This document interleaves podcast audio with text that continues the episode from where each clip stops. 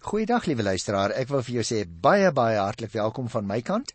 En ek wil baie spesifiek vandag twee hoofstukke doen, naamlik 2 Kronieke 11 en 12, omdat ons nou eintlik eers hier regtig die verhaal kry van koning Rahabiam se regering, maar aan die einde van die uh, 12de hoofstuk ook lees van sy dood.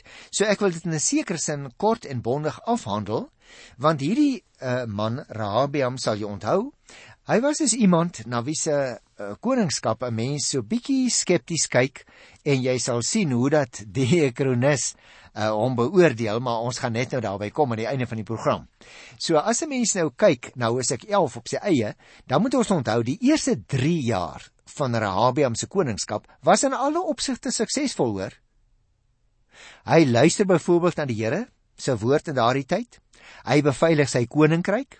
Hy versamel rondom hom priesters en leviete en mense wat die Here wou dien uit al die stamme van Israel. Hy word ook sterk gemaak deur sy groot familie. In daardie tyd van die geskiedenis was dit natuurlik baie belangrik. So kom ons kyk hierso na die eerste 4 versies van die 11de hoofstuk. Dadelik nadat Rehabiam in Jerusalem terug was, het hy 180 000 uitgesoekte man uit die stamme van Juda en Benjamin opgeroep om teen Israel te veg en die koningskap vir hom terug te wen. Maar die woord van die Here het tot Semaja, die man van God, gekom en gesê: Sê vir Rehabiam, die seun van Salomon, die koning van Juda, en vir al die Israeliete in Juda en Benjamin: So sê die Here: Moenie optrek en teen jou broers veg nie. Gaan terug, elkeen na sy huis toe, want wat gebeur het kom van my af. Hulle het geluister na die woorde van die Here in die veldtog teen Jerobeam laat vaar. Nou kom ons kyk na hierdie vers en ons gesels daaroor want luisteraar waar die Benjamin stam vroeër aan die kant van die noordelike stamme gestaan het in die tyd van koning Saul staan minstens die suidelike deel van die Benjamin stam nou by die huis van Dawid. Dis interessant, né? Met ander woorde, nie net Rahabiam nie, maar ook die manskappe onderwerp hulle aan die wil van die Here en aanvaar dat wat gebeur het van die Here afkom. Lees ons in die 4de vers. Rahabiam wou met ander woorde met militêre geweld die 10 stamme wat onder Jerobeam van hom weggebreek het na die noorde toe weer terugdwing onder sy eie regering. Deur die profeet Semaja laat weet die Here nou vir hom dat hy dit nie moet doen nie. Nou luisteraar, dit is nie vir ons duidelik hoekom God dit gedoen het nie. Al verstaan Rahabiam dit nie, soos jy en ek ook maar dikwels nie die Here verstaan nie, is hy tog bereid om te aanvaar dat die saak van die Here kom. Hy gee dus gehoor aan die opdrag van die Here en laat en hy laat vaar die stryd teen sy broers in die noorde. Hy's 'n koning wat na God luister en aan hom gehoorsaam is. Daarom is sy koningskap ook voorspoedig.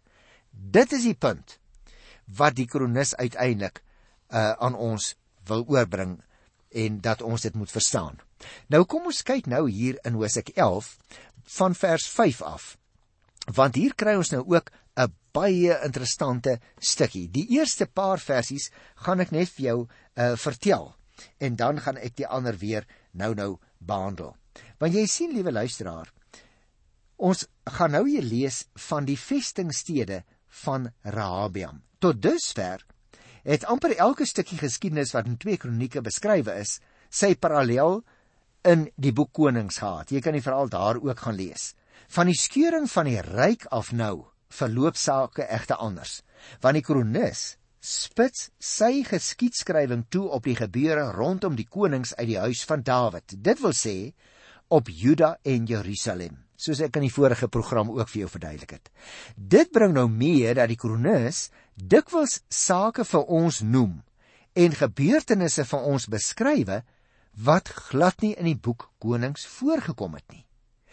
Soos Salomo in sy tyd voorraadstede gebou het, gaan kyk maar nou in die 8ste hoofstuk, herbou en versterk Rahabiam ook nou verskillende stede in sy kleiner suidelike ryk. Iets van Salomo se wysheid en sukses slaan dus ook nou hier deur by sy seun Rahabiam. Luister, ek gaan op uh, wat hierdie vers betref net die 5de versie lees. Rahabiam het in Jerusalem gewoon. Vir die beveiliging van Juda het hy 'n aantal stede herbou. Met ander woorde, luisteraar, Met die skeuring van die ryk het die grootste deel van Salomo se groot ryk weggebreek na die noorde. En ja, Rabia het nou besef dat die gebied waaroor hy eintlik regeer nou baie kwesbaar is want is baie kleiner, nie waar nie? Van enige kant af sou sy vyande hom kon aanval omdat hulle besef het sy weermag is nou baie swakker as die van Salomo.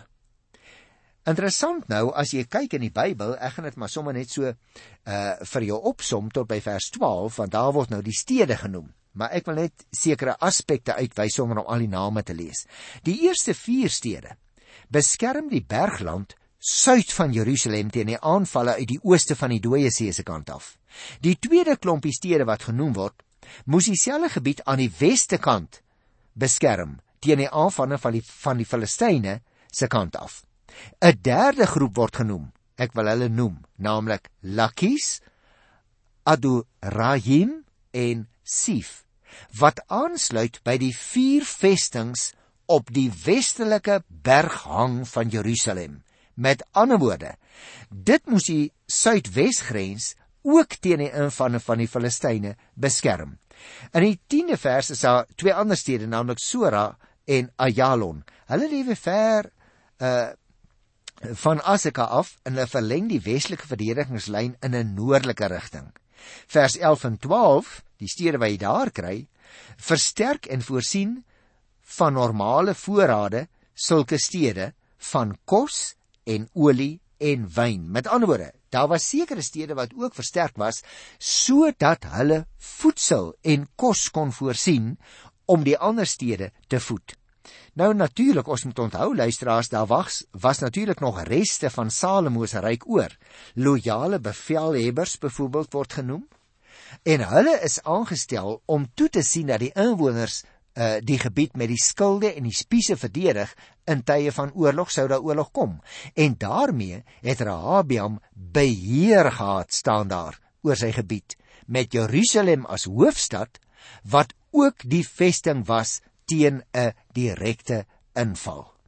Nou, as ons nou hier van uh, die 13de versie afkom, dan wil ek ook eers 'n bietjie daaroor gesels want ons het ook hier te te make met sekere name.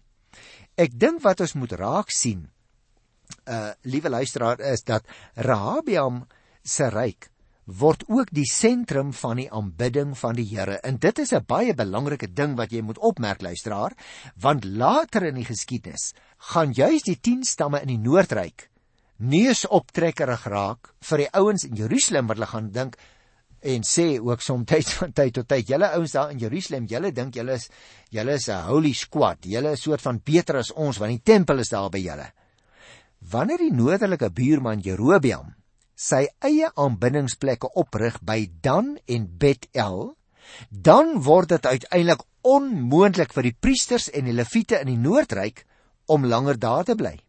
Jy sien Jerobeam, die nuwe koning van die noordryk Israel, het die priesters en die leviete as 'n bedreiging beskou. Aangesien hulle natuurlik nou nog lojaal was aan die tempel in Jerusalem die hoofstad in die suidryk. En daarom het sy eie het uh, Jerobeam in die noorde sy eie priesters aangestel en het hy mettertyd die leviete verbied om diens te doen in die heiligdomme van die noordryk.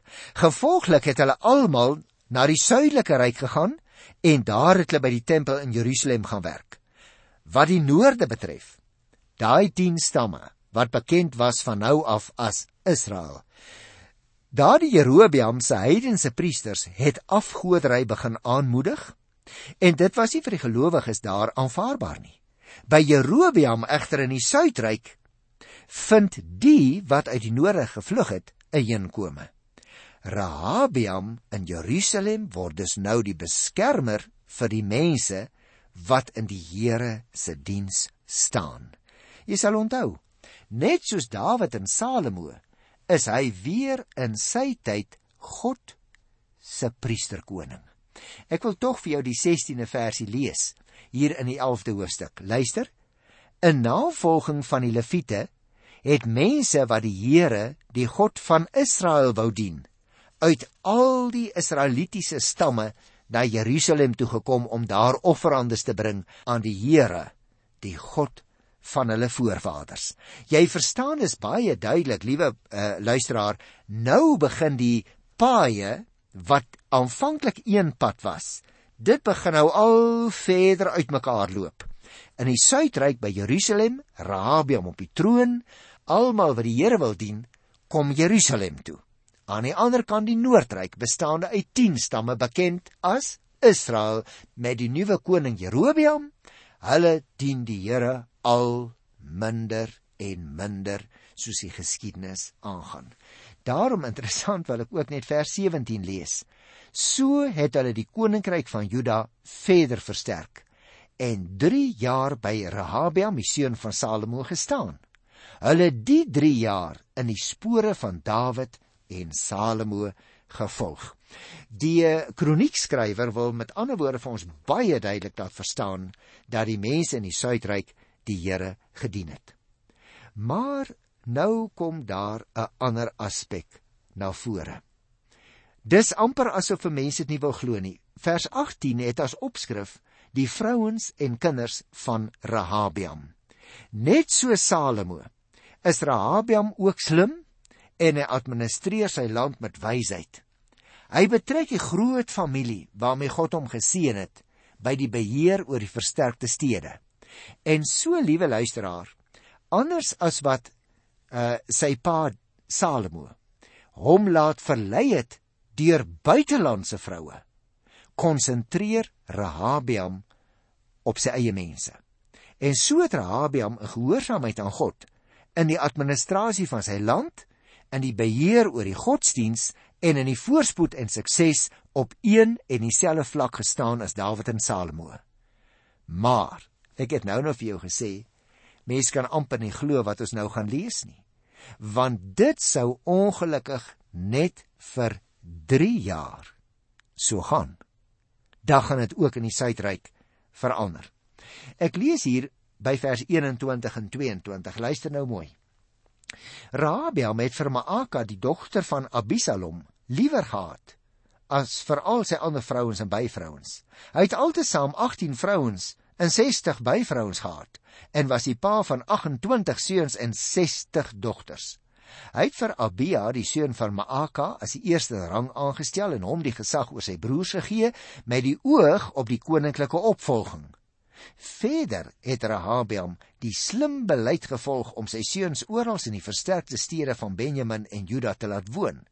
Hy het gesorg dat hulle van 'n oorvloed lewensmiddels voorsien is en het deur onderhandeling vir hulle 'n menigte vrouens verkry. daarmee luisteraar loop die pad nog nie te skeef nie. Want jy sien er, behalwe Rabiam se liefde vir sy vrou kon daar dus ook 'n politieke motief wees agter die aanwysing van sy seun Abia as eerste in rang bo die seuns van sy ander vrouens en byvrouens. Byvrouens tussen hakies se posisie aan die hof was nie so aantreklik soos die van die koning se eie vrouens natuurlik nie. Maar nou by vers 23. Verder het Rahabiam slim beleid gevolg. Het ek ek het dit nou nog gelees. Ek wil graag sê in die lig van Deuteronomium 17 vers 17 het teen die baie vrouens van die konings alreeds 'n waarskuwing gekom vroeër jare. Nou om probleme in die paleis tussen die seuns uit te skakel, kry die ander seuns verantwoordelikhede en 'n oorvloed lewensmiddels staan daar in plattelandse stede. As jy op die kaart kyk, en word hulle deur huwelike aan die plaaslike bevolking gebind. Maar nou kom ons by 'n ek wil amper vir jou sê 'n vreemde verhaal, naamlik die Egiptiese inval. Ehm um, en dit is belangrik luisteraar dat ons daaraan nou gaan aandag gee. Kom ek uh gesels eers 'n bietjie daaroor. Rahabiam was uiteindelik vir 17 jaar koning oor Juda. Tog was sy koningskap nie in sy geheel suksesvol nie. Die krake het net nou al begin, ek het dit vir jou vertel. Die Here het wel gesorg dat Rahabiam 'n goeie hou vas op sy koningskap gekry het, maar na 3 jaar het Rahabiam begin doen wat verkeerd is vir die uh vir die Here. Hy het ook die woord van die Here begin verontagsaam, gaan ons nou nou lees in die 12de hoofstuk by die eerste vers. Die Here het dit natuurlik as troubreek beskou. En daarom stuur die Here weer 'n keer vir Samaria na koning Rehabiam toe. Ons gaan dit nou nou behandel, gaan jy dit sien. Die profeet moes aan die koning bekend maak dat die Here Juda laat vaar het, dat hy Juda verlaat het soos hulle hom verlaat het. Mense kan amper nie glo dat jy van hierdie man dit ook lees wat so goed begin het nie, nie waar nie. Die Here, so word die profeet uh, nou in die mond gelê om te sê, sal hulle oorgee in die hand van Sisak, die Egiptiese koning. Net soos die vorige keer. Gee Rehabiam gehoor aan Samaria se boodskap. Hy verootmoedig hom voor die Here. Hy erken dat God reg is om hom te veroordeel. Daar was daarom ook nog iets goeds in Juda oor, so lees ons in die 12de vers. Omdat daar berou was by Rehabiam en sy mense, koel die Here se toorn dan af. Hy het sy straf teruggehou omdat die leiers van Israel hulle sondes bely het, hulle self voor God verootmoedig het en erken het dat sy straf regverdig was. Liewe luisteraar, ek ken nie jou omstandighede nie, ek ken nie jou trou aan die Here nie, maar ek wil dit vir jou sê uit hierdie gedeelte. Dit is nooit te laat om berou oor jou en my sondes te kry nie net soos Rahabiam hier. Al kom die berou wanneer die straf reeds aan die gang is. Rahabiam se lewe gaan egter tragies eindig. Want jy gaan sien, hy het gedoen wat verkeerd is in die oë van die Here. Aanvanklik was hy getrou aan die Here. Hy het soos Dawid en Salomo opgetree en hy was 'n reggeaarde koning. Later het hy ook berou gehad oor sy afvalligheid, hom voor God verootmoedig Maar vir die grootste deel van sy koningskap het hy ongelukkig begin verkeerd optree. Hy het nie meer na die Here geluister nie. Hy het nie meer na die wil van die Here gesoek nie. Die Here verwag van ons almal wat in hom glo, luisteraars, dat ons ons lewens aan die Here sal toewy. Nie net soms nie, nie net by tye nie, maar ons moet in alles wat ons het en wat ons is, ons lewe lank die Here bly gehoorsaam. Daarom wil ek graag 'n baie kortliks hierdie 12de hoofstukkie, gelukkig is dit kort, so bietjie met jou deurgesels. Vers 1. Rahabiam was nouliks goed gevestig in sy koningskap en seker van sy mag of hy die hele Israel saam met hom die woord van die Here laat veronagsaam. Nou jy sien met die eerste oogopslag sien die Bybelleser dat die kronikus hier meer besonderhede gee as die boek Konings. Die beskrywing van die son en die straf vir Rahabiam en sy mense begin dadelik met die mededeling dat hy goed gevestig was in sy koningskap. 'n Saak wat nogal dikwels deur die kronikus genoem word, juis as teken dat die Here die nuwe koningskap gehelp het om, soos dit hier staan, seker te wees van sy mag. Daarom luisteraar, is die veronagsaming van die woord van die Here hier as 'n verwyte genoem. Jy sien, Juda is die kern van die volk van die Here.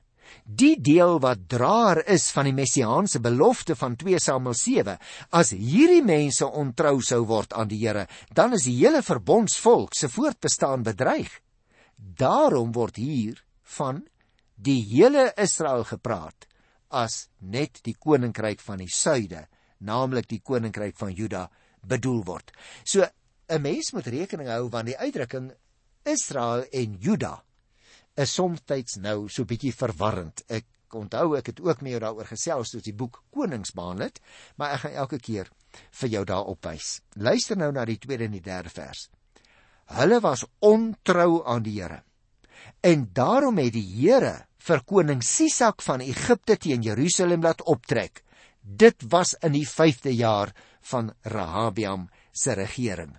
Nou ek kan amper nie glo nie. Sou mense nou wou sê soos party mense sê, dat hierdie ou en sy mense wat aanvanklik die Here dien, nou ontrou word aan die Here. Ons moet onthou, sedert die uittog uit Egipte land, liewe luisteraar, is ook Egipte se strydwaans volgens die kronikus aangevul met 'n berede mag. Gaan kyk nou hier in vers 3. Nou, sy soldate is aangevul met mense uit Libië, soos ons dit vandag ken, met ander woorde, direk wes van Egipte van waar daar gewoonlik huurtroepe vir Egipte gewerf is. Die Kusiete van wie ons in die 3de vers lees, is uit Namibië, is wat vandag deel is van uh, Ethiopië, net suid van Egipte. Maar van die Sikiërs wat hier genoem word, van hulle weet ons niks nie. Nou goed, kyk by vers 4 tot by vers 6. Nadat Sisak die vestingstede in Juda verower het, het hy in die rigting van Jerusalem getrek. Sy profeet Semaja kom toe na Rehabiam toe en die leiers van Israel wat in Jerusalem saamgetrek is, hy vrees vir Sisak, sê vir hulle: "So sê die Here: Julle het my verlaat en nou het ek julle verlaat en is julle in Sisak se mag." Die leiers van Israel en die koning het hulle verootmoediging verootmoediging gesê die Here doen reg. Jy sien luisteraar daarom het ek vir jou gesê selfs as die stryd leer in gereedheid gebring word om te verdedig en die vyand is al op pad selfs dan is dit nog nie te laat om jou tot die Here te bekeer nie. Vers 7 en 8. Toe die Here hulle berou sien, kom sy woord weer tot Samaja en sê: "Hulle is vol berou, ek sal hulle nie uitroei nie. Ek sal hulle gou uit die greep van Sisak laat vrykom en my toorn oor Jerusalem nie deur Sisak laat losbreek nie, maar hulle sal aan hom onderdanig word. En hulle sal agterkom wat dit is om my te dien en wat dit is om die konings van ander lande te dien." Hier gebeur dus in 'n sekere sin 'n vreemde ding luisteraar. Die straf word versag, maar die straf word nie opgehef nie. Met ander woorde, die Here sê die volk moet leer dat dit is beter om die Here te dien as om die konings van die ander lande te dien, selfs al kom dit neer op 'n verarming van die tempel. Want luister na vers 9 tot by vers 11. Koning Sisak van Egipte het teen Jerusalem opgetrek en beslag gelê op die skatte in die huis van die Here en die paleis. Hy het alles gevat, ook die goue skilde wat Salomo destyds laat maak het. Koning Rehabiam het toe bronsskilde in die ander se plek laat maak en die oorhandig aan die offisiere van die mag wat by die ingang van die paleis diens gedoen het. Elke keer wanneer die koning na die huis van die Here toe gegaan het, het die wag die skilde gedra en daarna het hulle die skilde teruggebring na die wagte se kamer toe. Jy sien, die goue skilde dateer nog uit Salomo se tyd. Gaan kyk gerus maar weer in hoofstuk 9 vers 15 en 16. En daardie skilde moes nou vervang word met bronsskilde, want die goue skilde is deur die vyand weggeneem. As dit natuurlik blink gevryf is, lyk dit ook maar soos goud as jy nie goeie kennis het nie. Maar natuurlik luisteraar, dit is nie die ware Jakob nie en daarop word daarom word hy gou weer weggesit. Met ander woorde, hulle word so bietjie uit die oog gesit, want daar steek 'n stukkie oë verblindery in die optrede.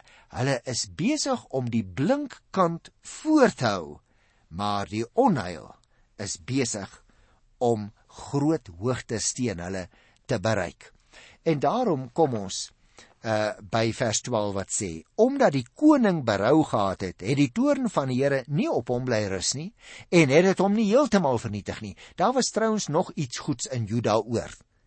En nou kom ons by die dood van Rahabiam koning Rahabiam dis vers 13 van 2 kronieke 12 koning Rahabiam het 'n stewige hou vas op die koningskap in Jerusalem gehad en het aangehou regeer Hy was 41 toe hy koning geword het en hy was 17 jaar lank koning in Jerusalem, die stad wat deur die Here onder al die Israelitiese stamme gekies is om sy naam daar te vestig.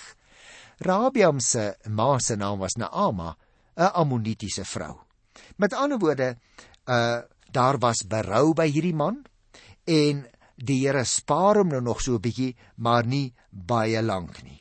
Die 13de vers begin hier by sy laaste tydjie om te sê: Rabiam het 'n stewige hou vasgehad. Maar luister nou na vers 14. Hy het gedoen wat verkeerd was.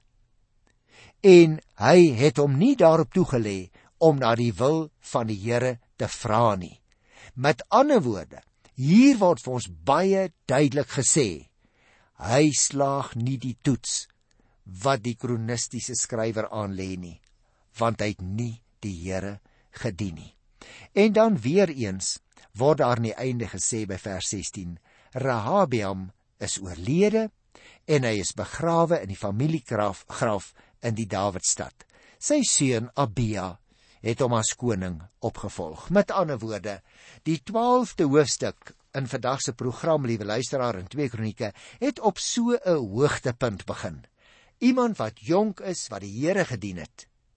Maar dit eindig aan die einde van hoofstuk 12 met 'n hartseer, met 'n hartseer klank. Hy's dood as iemand wat nie die Here gedien het nie. Mag ek jou net een vraag vra? As jy vir die laaste keer hek toestoot agter jou in my lewe, wat sal daar op die bordjie staan? Was jy ywerig in die Here se diens of nie? Ek groet jou met hierdie vraag in jou gemoed tot volgende keer. Totsiens.